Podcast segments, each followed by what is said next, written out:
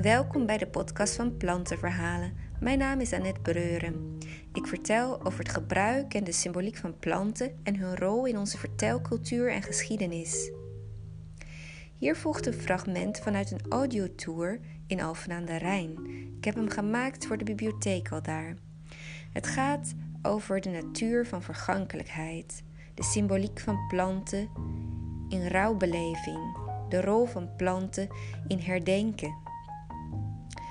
Luister maar eens naar dit fragment over de maagdenpalm en mocht je het interessant vinden, dan kan je naar het audiokanaal gaan, podcastkanaal van Audiotours Rijn en Venen.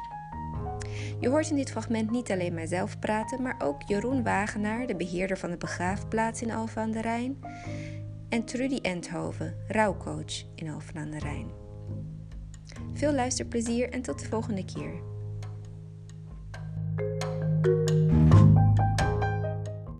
Vinca minor, maagdepalm. Kijk, met na de brug aan je linkerhand is een maagdepalm aangeplant tussen de rijen graven. Een laag plantje, een bodembedekker, dat makkelijk groeit en winterhard is. Dit hier is een witbloeiende. Meestal zie je ze met paarse bloemetjes. Paars en wit zijn rouwkleuren. Die kleuren worden ook veel in rouwboeketten gebruikt. Paars staat voor verdriet om een geliefde en wit is in veel culturen de rouwkleur, met name in boeddhistische landen ook. Het verwijst namelijk naar het geloof in reïncarnatie, herboren worden na de dood.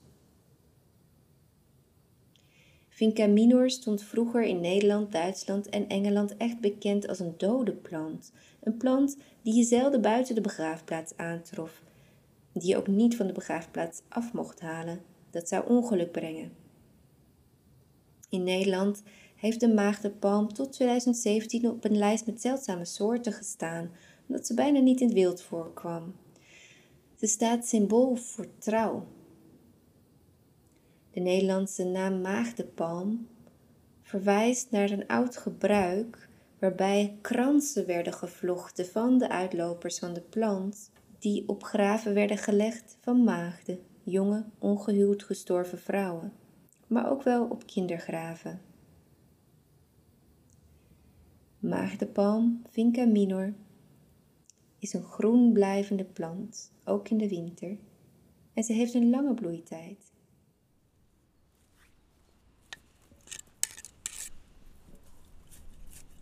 Af en toe wil ik met mijn handen in de aarde vroeten, iets doen, iets simpels en met zichtbaar resultaat. Er stijgen geuren omhoog en er komen korrels onder mijn nagels. Hier en daar snoei ik wat en veeg dode bladeren weg. Ik weet wel dat er weer nieuwe zullen vallen, maar het is voor nu. Ik voel me dan toch altijd ietsje beter.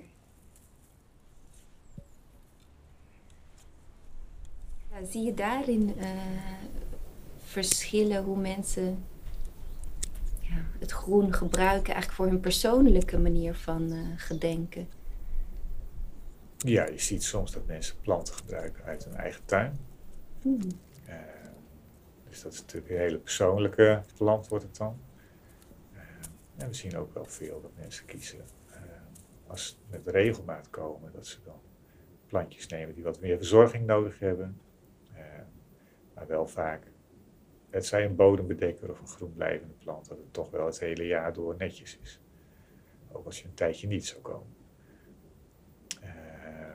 En je ziet natuurlijk de rotstuintjes. Uh, dus als je met grind werkt en dan rotsplantjes erin. Is natuurlijk een hele mooie manier uh, die heel onderhoudsvriendelijk is. Ja, dan heb je vaak sempervivens, denk ik, hè, wat geplant wordt. Mm -hmm. Ja, en sedums. Ja, sedums. Uh, ja. ja, en dat kan je natuurlijk wel combineren met, met een aantal bolgewassen. als je dat zou willen. Alleen ja, een bolletje is maar heel eventjes natuurlijk. Buxus uh, had je in het verleden heel erg veel. En ook op de graven natuurlijk, hè, de buxushaagjes. Uh, maar goed, dat is nu eigenlijk helemaal over. Uh, ook door de buxusmot gekomen natuurlijk. coniferen zien we ook niet zoveel meer. Dat neemt wat af. Want coniferen hebben toch wel wat werk nodig. Als je hmm. ze laat gaan, worden ze al snel groot. En we zien nu toch wat meer ja, ik noem het toch wat de luxere planten komen die, uh, als, je een, als je er eentje van hebt, dat die eigenlijk heel mooi tot zijn recht komt. En dat kan iets op stam zijn, of net een, even een, ander soortje dat je normaal gesproken zou verwachten. En dat maakt het natuurlijk wel divers en ook in je bloeitijden krijg je dan natuurlijk een totaalplaatje wat eigenlijk heel mooi eruit ziet.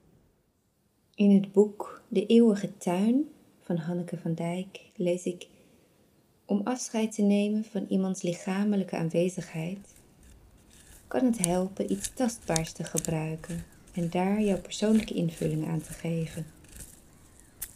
Bijvoorbeeld het vormgeven van een graftuintje. Feit dat iets beëindigt, dat, dat doet pijn. En dat heeft ruimte nodig en dat, heeft, uh, dat, dat is het verduren ja, van het verdriet. Ja. ja. De rouw is de keerzijde van liefde.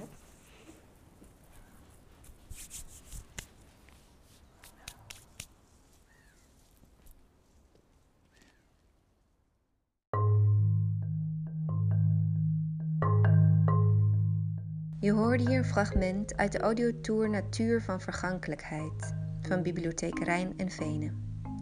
Wil je nog meer horen over de kersenbloesem, de taxus, de vlier, rode beuken, of meer leren over het groenbeheer op een begraafplaats of over wat rouwen nou eigenlijk is? Luister dan naar de audiotour die in zijn geheel gratis beschikbaar is op Audiotours Rijn en Venen. Neem ook een kijkje op www.plantenverhalen.nl voor meer informatie over mijn werk.